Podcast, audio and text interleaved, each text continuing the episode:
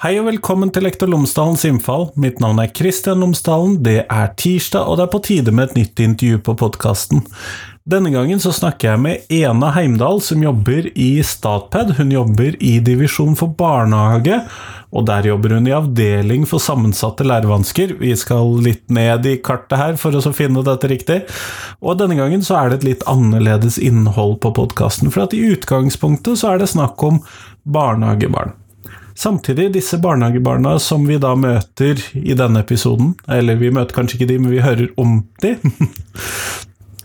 de vil nok trenge mye av det samme av tilpasninger, og mange av de samme av de pedagogiske prinsippene må ligge til grunn når disse elevene kommer opp til skoleverket senere. Og det er jo viktig. Eh, utdanning er et ganske langt løp, og det går jo selvfølgelig med barnehagen. Så denne gangen så snakker eh, jeg og Ena Heimdal vi snakker om møte med barn med multifunksjonshemming. Da i barnehagen, også da over i selve skoleverket. Ellers, podkasten Lektor Lomsdalens innfall er jo sponset av Fagbokforlaget, og visste du at Fagbokforlaget har gitt ut en bok, en metodebok om forskningsoversikter? Og når man skal skrive en bacheloroppgave eller en masteroppgave, eller kanskje med en doktorgradsavhandling, sånn som jeg driver med nå, så sitter du der med utrolig mye informasjon. Det er mye du skal finne ut av, du skal finne ut hva som er viktig for deg, og da trenger du kanskje denne boka. Boka heter Forskningsoversikter i utdanningsvitenskap, og de vil anbefale den til alle studenter på lærerutdanningene og innenfor andre pedagogiske fag. Jeg mistenker at den er relevant for en del andre andre òg, for å være helt ærlig. Og denne podkasten er som sagt sponset av Fagbokforlaget, og det gjør de fordi at de tenker at jeg tar opp viktige tema som angår skole- og lærerutdanning. Og de tenker at dere som hører på denne podkasten er opptatt av det samme som dem, nemlig hvordan ny forskning kan påvirke og forbedre praksis i skolen. Så nå får du intervju med Ena Heimdal, vær så god.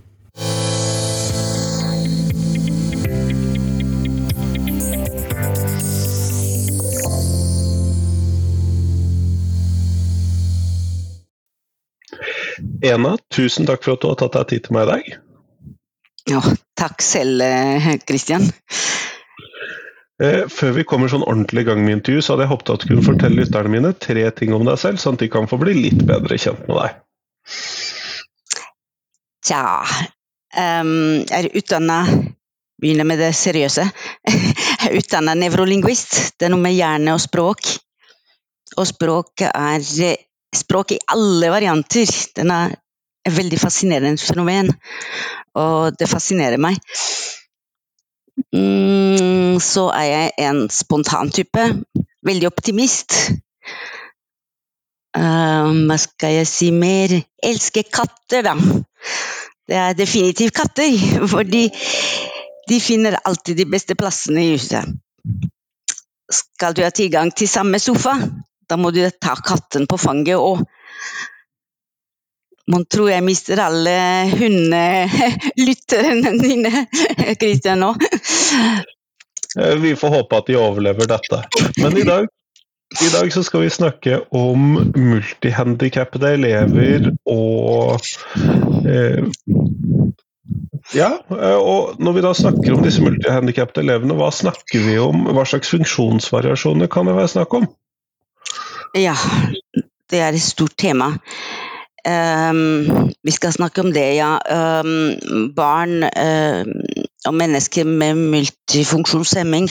Jeg vil uh, mest de tankene barn i barnehage, og det er pga. min tilknytning til barnehagedivisjon i Statped. Men jeg tenker på at dette er absolutt overføringsverdi til skolen. Så multifunksjonshemming er ikke en diagnose det, mm, det, er, det, er, en betegnelse. Og det er en betegnelse som omfatter mennesker som har mange og ulike funksjonsnedsettelser. Og det er, det er liste langt som natta. Det er problemer med, med å fatte, forstå. De har omfattende bevegelseshemming, eh, syn, hørselshemming, cerebralparese, kramper, Eh, bare forestill deg når vi får krampen i, i foten. Altså, dette er kontrakturer spasmer som de må leve nesten hele tida med. Eh, epilepsi noen ganger er veldig vanskelig å kontrollere og så regulere. De har luftveisproblemer, pusteproblemer. Um, ernæringsvansker, men også spisevansker. Um, smerter, stressreaksjoner, søvnproblemer. Altså det, er, det er en veldig lang liste. Og jeg kan ikke glemme mamma um, Elin, mamma til Selmer, uh, som sa at Ena, vet du, det er barn som uttrykker med kroppen hva de har på hjertet. Og det er sånn flott setning. Det er fordi det er veldig mange diagnoser med en rekke bokstaver og tall. Jeg jobber med barn som er liksom én av syv i verden. De, er så, de er så sjelden, og det er, og det er mange bokstaver og det er mange tall. Men så er det barn. Bak disse er det bokstavene og tallene. Og, så jeg tenkte Kristian, at vi fortsetter, så kan vi bare kalle det for Oleane. Ja, du vi gjør det. ja. Det blir sånne lange, på en måte intetsigende beskrivelser, ikke sant. Men um, olean er også livstruende og livsbegrensende eh, tilstander, som det heter. Og det er derfor at oleane trenger eh, måter å tenke og tjene seg innenfor palliasjon. Og her skal vi ikke bli skremt av ordet palliasjon. Fordi det, det handler om tilgang til tjenesten som gjør det lettere og enklere å leve sine dager. Så har Ole Erne ganske mange hjelpemidler, pga. også den lange lista vi snakka om. Og det er vanskelig å se de barna bak de hjelpemidlene. Det er, det, det er, altså de kommer først. Rullestolen kommer først. Så, sånn at det er veldig nødvendig her at pedagogikken og helse går hånd i hånd. Så jeg tenker på når vi greier å se oleane bak hjelpemidlene, da, da, kjenner vi, eller da ser vi virkelig hva kjernen i livet er. Um, det lille smilet, sånn, en, en pust som blir roligere, en muskel som slapper av. Et smil som dukker opp kanskje et annet sted i kroppen. Um, ja, fordi hun smiler ikke bare med øynene, ikke sant. Så hadde vi sett bare på øynene, da hadde vi bomma. Så, så Oleane er en, en tilhører en veldig sånn sammensatt gruppe. Eh, men hun rører ved noe veldig sånn grunnleggende ved oss. Eh, og jeg har tenkt at vi kan lære å se det grunnleggende fordi vi ser mindre, men dypere. Vi, blir ikke blendet av ord og vendinger og sånn.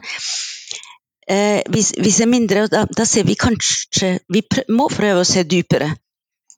Og så kan vi lære å, lære å være til stede, fordi vi må sakne farta. Det er nødvendig. Vi, vi må gå vi, vi, må sakte farta, ja. Og så gjør vi mindre og er mer, som min gode kollega Mette sa. Så det vil si at vi skal være fullt ut connected online, akkurat som vi er nå. Vi er on air Connected og søke etter samme radiokanalen. Uh, hadde, vi, hadde jeg brukt en annen lenke, da hadde vi ikke vært connected. Så det er det der å søke den lenken. Uh, og, så, er vi veldig avhengig av, av alle rundt uh, Oleane. Den, og det er fordi jeg har aldri følt meg ferdig utdanna, og det er og det er kanskje ikke kanskje, jeg tror det er veldig godt, fordi det gjør oss ydmyke og åpne for den der undring. Ja, kanskje kan det være hva, hvordan og om. Kan det være at? Så Tyrid Org, jeg må, jeg må nevne et par kollegaer her som har vært utrolig viktige for Norge på dette feltet. Det merker jeg når jeg er i utlandet, hvor, hvor stolt jeg er. Og det er Tyrid Horgen og Mette Løvaas og Bente Nilsen de har vært virkelig banebrytende på dette feltet i Norge, og jeg har lært masse av dem. Men så må jeg si at jeg har lært masse av ungene også, alle de som jeg har truffet og guidet meg på reisen. Og de har inspirert eh, ressursene våre på statped.no. Litt reklame. Eh, det er de som står bak de ressursene. Og, og, og ja, jeg tenker også foreldrene, fordi foreldrene de, de har lært meg en, en, en, ting, vil jeg si, først og fremst. At en fagperson, den må aldri eie faget. Kjempeflott. Du jobber primært med de aller minste barna før skolealder. Og hva er viktig for deg i det arbeidet? Ja. Det var et kort spørsmål, Kristian. Et kort spørsmål med et veldig langt svar? ja, det, du ser det. Jeg kommer på deg. Altså, når Oleane, når Oleane begynner i barnehagen, eh, da opplever vi at det er ofte veldig trangt i den barnehagen hvor skal eh, starte, hvor, hvor eh, de skal ta imot Oleane. Fordi på grunn av det vi har sagt i starten, da kommer hun med en hel haug med hjelpemidler. Matpumper, medisiner, rullestol, vogn. Og så må det søkes noen hjelpemidler, f.eks. stellebord. Eh, ståbrett, arbeidsstol, for å ikke glemme den setet som skal stå i sandkassa. Det tar plass, og det er overveldende. Eh, vanligvis det er sånn at ungene de kommer liksom ruslende. De har en liten sekk, på, sekk med matboks på, på ryggen. Så Den største bekymringen er kanskje om de har med seg eh, bleier og regndress og støvler. Eh, for de varer forferdelig dårlig her i Norge, Kristian. Så den er en stor bekymring hvis de har glemt de akkurat der, regndress og støvler. Men ja, spøk til, siste, til, til side. Det er, barnehage er i første linje, og de møter forventninger, og så møter de foreldrene i den fasen hvor det er mest usikkerhet. Og så vet vi at dette er også den fasen hvor skal bygge, mye skal bygges opp Og så tilliten skapes. Og vi vet også at den, at den, tilliten man skaper i starten, er en tendens å bli tatt med videre. Så å sørge for en god start i denne utdanningsløpet er et felles løft. Så, og det er ofte som jeg opplever at, at, det er så mange oppgaver, og da begynner vi å kjøre på en motorvei, og så begynner vi å kjøre på motorvei i sjette gir, hvor eh, vi, vi, vi, mister De fleste mister eh, kontrollen. Um, de føler seg utrygge, og, og denne barnehage som kjører, som er en fantastisk eh, innstilling, de, de, blir nødt til å kjøre på denne motorvei i, i sjette gir. Eh, de, skjønner, de skjønner med at de trenger å gjøre endringer i barnehagehverdagen.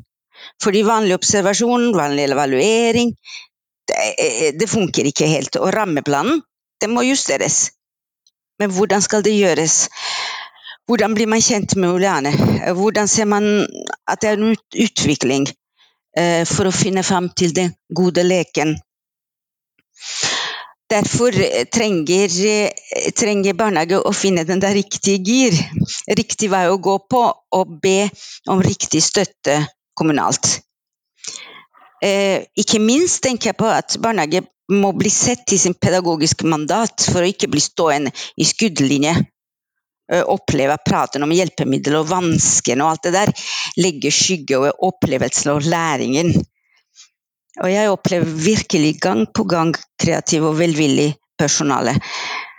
De må ikke stå alene, fordi de har en kommunale PPT rundt, de har regionale arbeideringstjenesten, og så er det landsdekkende tjenester, da, som Statped. Um, ofte er disse funksjonsnedsettelser de er kjent ved fødsel. Slik at PPT er koblet inn, fysioterapeuter er veldig fort på plass. Um, så da tenker jeg på at strekker ikke den pedagogiske kompetansen lokalt. Og det er ikke rart, eh, tatt i betraktning hvor lavfrekvent gruppen eh, Oleane hører til er. Så da er det fint å søke. Søke hjelp. Hjelp og riktig eh, Hva skal jeg si timet. Ikke vente for lenge. Så tilrettelegging for, som tar høyde f.eks. For, for godt synspedagogisk miljø, mobilitetsspørsmål, um, hva skal det være mer godt akustisk miljø, og ikke minst bygge miljøer rundt disse barna som rundt som, eh, som understøtter utvikling av kommunikasjon. Så barnehage eh, barnehagehverdagen er full av sensoriske opplevelser. Dette liker vi, dette liker Oleane. Så barnehage er i seg selv et helt orado av sanselige opplevelser. veldig forlokkende. Det er bingene, det er kubene, det er bassenger med baller, kuler og annet. ikke sant? Så materialet er der. Og pedagogikken også. Um, det er derfor at vi må hjelpe personalet for, som har kunnskap og mulighet. Men de blir fort satt ut av disse her omfattende funksjons, funksjonsnedsettelse. Så en av oppgavene vi er, og ikke bare Statped, også habiliteringstjeneste, og det er å bygge bro mellom det som er allment, og hvordan det allmenne skal tilpasses, slik at alle barn og barn med sensoriske vansker skal kunne ta del i. Og sensoriske vansker her, det er altså Oleane har ofte også noe vi kaller for hjernesynshemming. Det vil si, Oleane ser den klementinen. Eh, men klementinen, det betyr noe bare i det øyeblikket Oleane kan ta på den klementinen, lukte på den og smake på den. Da begynner klementinen å bli synlig som klementin og få en form og etterlate noe spor i kroppen, i kroppen hennes.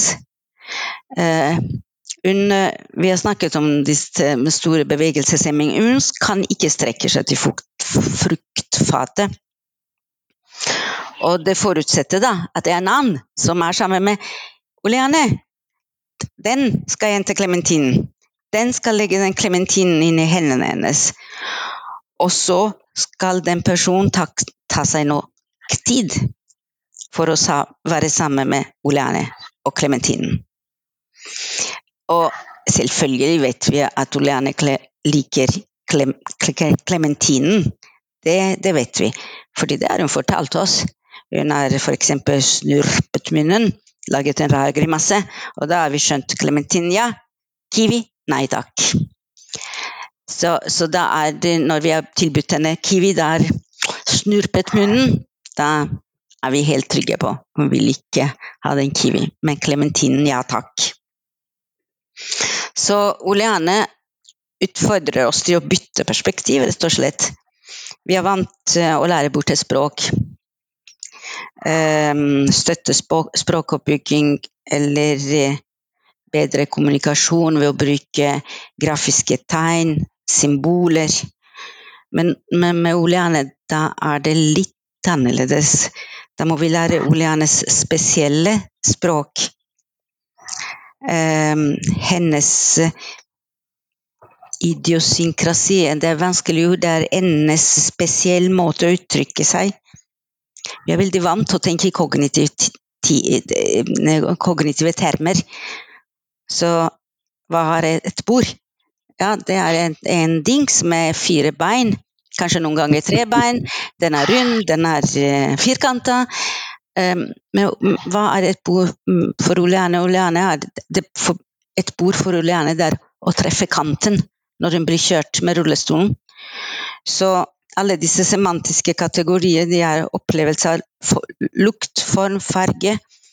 Hva hun opplever uh, hva hun opplever i møte med. I dialog med den som bringer verden til henne.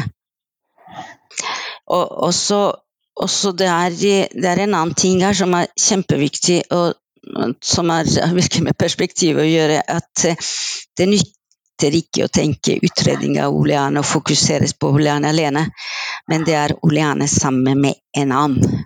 Alltid. Um, Syns jeg kan fortsette litt til, fordi jeg har fått flere tanker i hodet. Bare fortsett der. Det går helt fint. Tusen takk. Fordi jeg tenker en av styrkene i, i, norske barnehager Jeg har sett barnehager litt sånn rundt omkring i andre land også, men en av styrkene i norske barnehager, det er den gode kulturen rundt sang, rim, regler. Altså, det er noe repetitivt, noe utrolig godt og trygt i det. Så samlingsstund, tilrettelagt samlestund, det er en uvurderlig arena for de gode opplevelser. Og, og samlingsstund Man samler seg, som ordet sier. Og vi vet også at Oleane og barn som Oleane de elsker musikk. Rytme, pauser, stemmevariasjon. Ofte opplever vi at de blir ekskludert av samlingsstund. Um, tenk f.eks. Når, når vi synger Nå er jeg ikke noen god sangstemme, men 'Bjørnen sover', da. Bjørnen sover, bjørnen sover. Vi gjentar det, ikke sant? Vi skaper noe, og så avventer vi lunehi. Vi avventer i stemmen, og vi er varsomme. Vi skjelver kanskje litt. Det er ikke farlig. Og så kommer jeg fra mørke til lys. Og bare forestill deg nå, nå er jeg helt sikker på at våre lyttere forestiller seg hvordan det blir fra mørke til lys, og alle stemmene ut av dette teppet. Og, og de, de, barnas stemme, stemmene, de, altså stemmene til barna, de skaper en kjempeviktig ting, og det er den ramme av sosialt samvær. De rammer Oleane i en gruppe hvor hun er deltaker. Vi har mange sånne honnørord som kaller det deltakelse. Det er en deltakelse.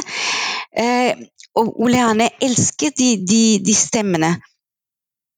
Og vi må virkelig i dette landet nå tenke oss virkelig godt om før vi sier a priori at Oleane har behov for avskjerming.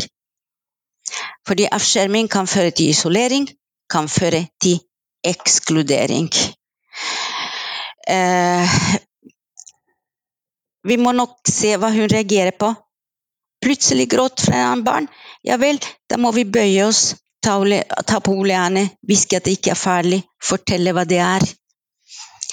Um, de andre ungene de spør hvorfor er Oleane ikke her i dag.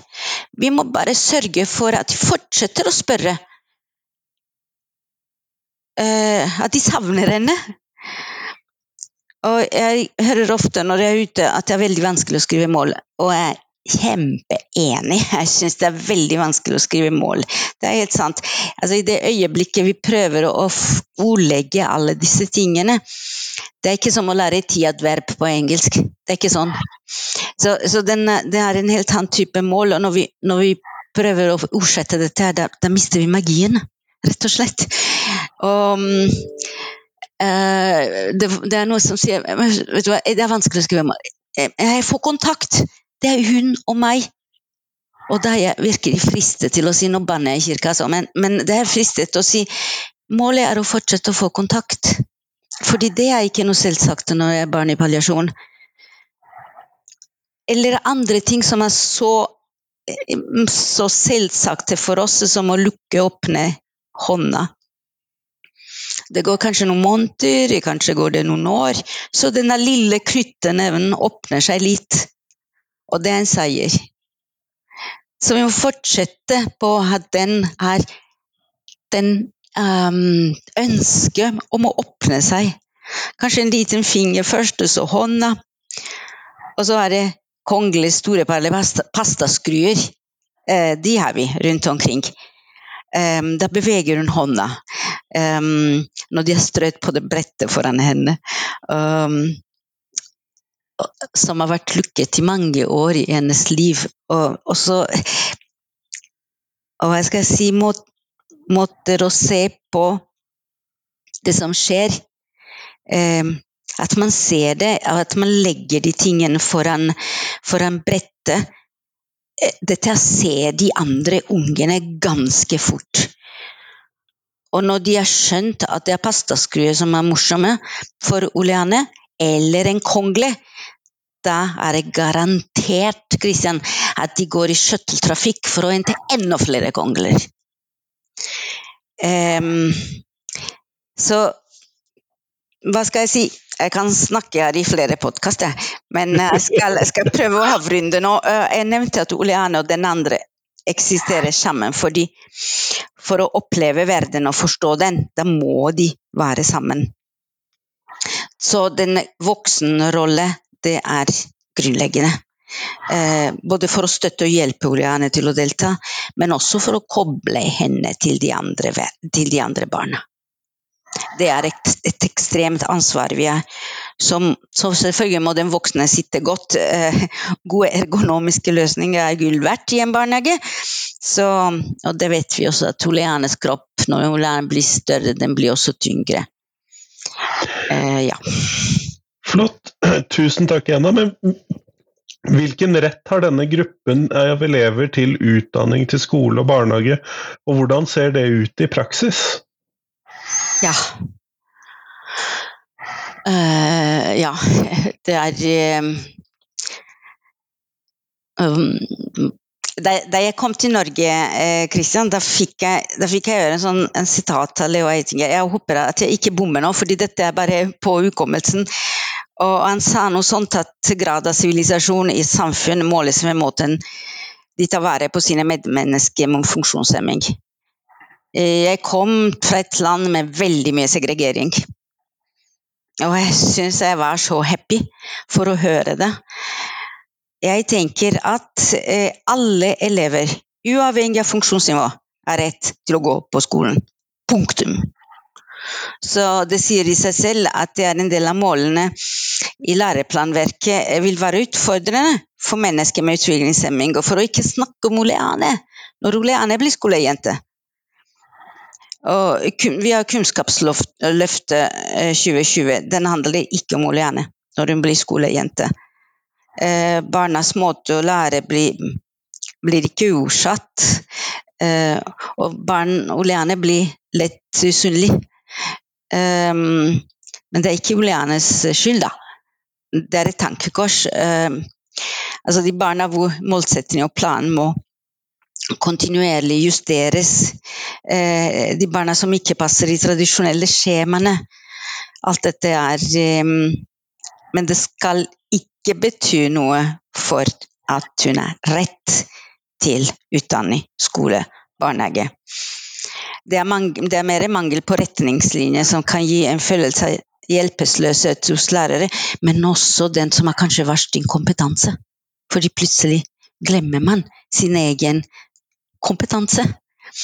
Man trenger en hjelp til tilpasning, men kompetansen, den har man inni i magen, inni hjertet.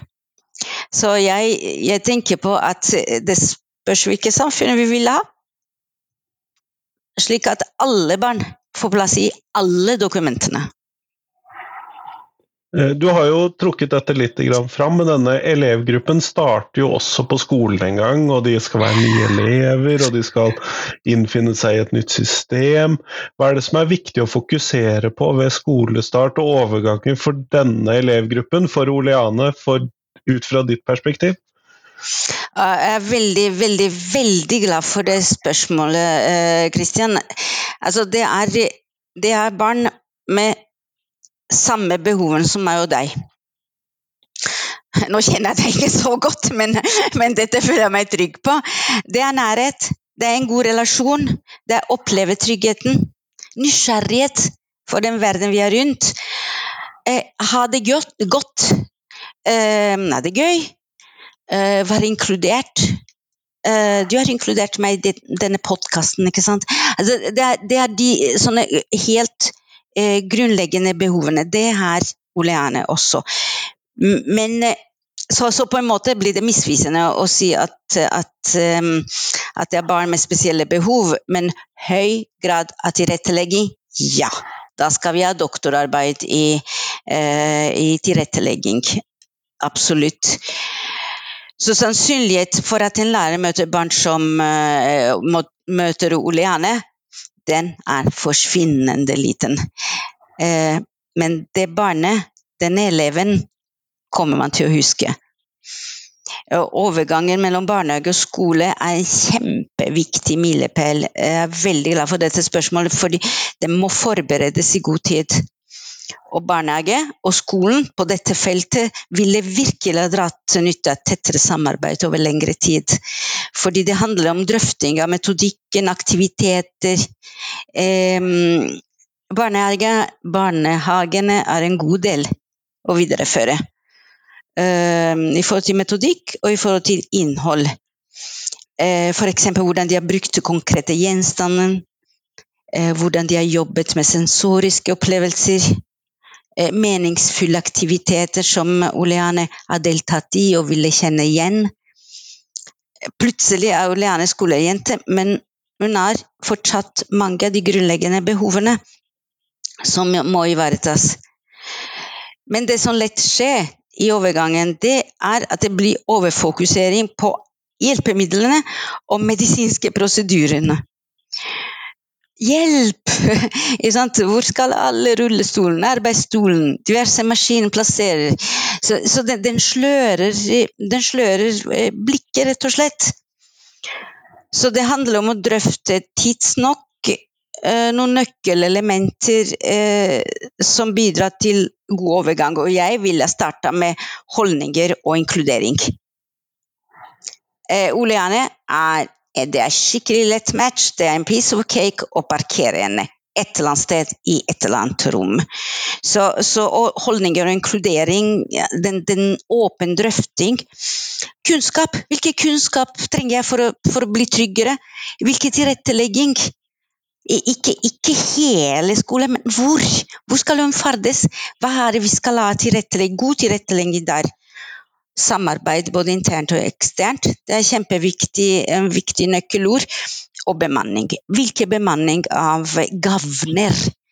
Ikke, ikke sånn en um, hypotetisk bemanning, men hvilken bemanning gavner akkurat Holiane? Så oversette alle disse fine honnørord, for i tidsånden vår i dette samfunnet er det veldig mange honnørord. ikke sant? Ord, ord. Og da, da oversette dette i sånne konkrete handlinger. Og så, på toppen av det hele, kanskje det viktigste, i foreldrene en reell følelse av at Oleane er velkommen. Uh, at Oleane er et barn på vår skole og i din klasse som lærer. Og og da kan man fortsette å gå på safari etter mulighetene. Um, så tenker jeg bak alle metoder så, Hvilke metoder? Man, man, kan bli veldig redd noen ganger, men bak alle metoder, det er uansett eh, deg som lærer, deg som hører på den podkasten her. Det er mennesket. Mennesket deg som er det viktigste verktøy. Så lærer som tar imot Oliane, må, er i tvil og det er fint å være i tvil, fordi da, da, da undrer man seg, da stiller man spørsmål, da løfter man tankene. Kanskje er det akkurat mange som tenker de, de tankene. Fordi det er, altså, det, det er, tøft å møte et sjeldent barn. Da blir alle referansene de er borte, borte, borte, borte. Og så er det den, den største vi, vi, blir igjen, at vi blir rørt. Rørt, rørt til det grunnleggende menneske. Men vi må lande med begge føttene på, på, på bakken. Eh, så da må vi skifte disse perspektivene som vi snakket om. Hva er en kropp som ikke når til fruktfatet? Hva er tid? Og hva er språket vi må lære å snakke for å for, forstå de tiny, tiny, tiny signaler. De tiny, tiny, ikke alltid tydelige uttrykkene til Oleane. Kjempeflott, Ena. Da nærmer vi oss slutten av dette podkastintervjuet. Da skal jeg stille deg det spørsmålet jeg stiller alle jeg intervjuer. Og hvilken lærer har gjort størst inntrykk på deg, og hvorfor det? Ja, um, ja jeg har hatt veldig mange lærere gjennom årene, men det er det er læreren i første klasse, og den, da, den gangen da du begynte på skolen da du var fem år um, Og jeg stammet. Jeg hadde en lærer som het Gina. Uh, dette er litt tøft for meg å fortelle, fordi Gina hun ga meg alltid opp som flytende, talende barn. Hun ville veldig mye av meg, og jeg syntes hun var så streng. Noen ganger var jeg redd òg. Da kunne jeg bare sitte der, og nå har jeg snakket om ekskludering. Jeg kunne bare sitte der og ekskludere meg selv og ønsket å ikke bli sett. Glemt, på en måte. Men, men hun hun la deler av undervisningen da, i, i, som teater, som drama. Uh, og dette snakker vi 1963. Nå ser ikke dine lyttere at jeg er en del uh, år på meg, men uh, vi snakker 1963. Um, og det hjalp, vet du. På, når vi var på scenen, da, eller når jeg var på scenen, da kom ordene ut. Jeg er ennå sånn litt sånn um, dobbeltklikk og litt grøt oppi hodet av og til. Men så blir jeg veldig fort usikker om jeg blir forstått. Så jeg lært å spørre forstått jeg meg, og så sier jeg ja, ja, det går fint. Ja, det går så bra. Så nå håper vi at dine lyttere tenker det samme, du. Tusen takk for at du ble med på podkasten i dag, Jenna.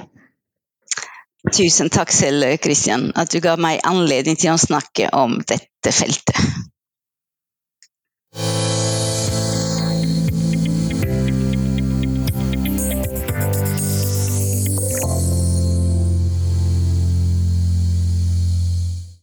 Tusen takk til Ena, og tusen takk til deg som hørte på. Nå er det fram til fredag, så kommer det en ny episode på podkasten. Og for en gangs skyld så er ikke det en ChatGPT-episode. Det kommer noen til etter episode 500, men øh, vi begynner å se slutten på ChatGPT som tema. Nei, denne gangen så er det Ole Martin Moen som snakker om skolens omsorgssvikt, så det får lure seg inn på denne fredagsepisoden. Ellers, som jeg har minnet dere på før i løpet av de siste ukene, søndag 14. mai så er det episode 500 som spilles inn. Den spilles inn live, den spilles inn direkte, den spilles inn digitalt, den spilles inn på Facebook og YouTube. Og Den sendes klokken 12 14. mai. Jeg er i Vadsø, der du kan være der hvor du ønsker å være. Og det kommer selvfølgelig som en podkastepisode etterpå. Det blir veldig gøy. Vi spør hva er ståa i norsk skole, og det prøver vi å finne ut av ved hjelp av Høyres og Arbeiderpartiets utdanningspolitiske talspersoner, Jan Tore Sanner og Elise Våge.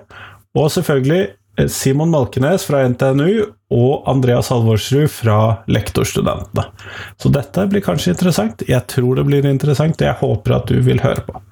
Men det er søndag 14. mai. Nå får du ha en fin dag videre. Hei, hei.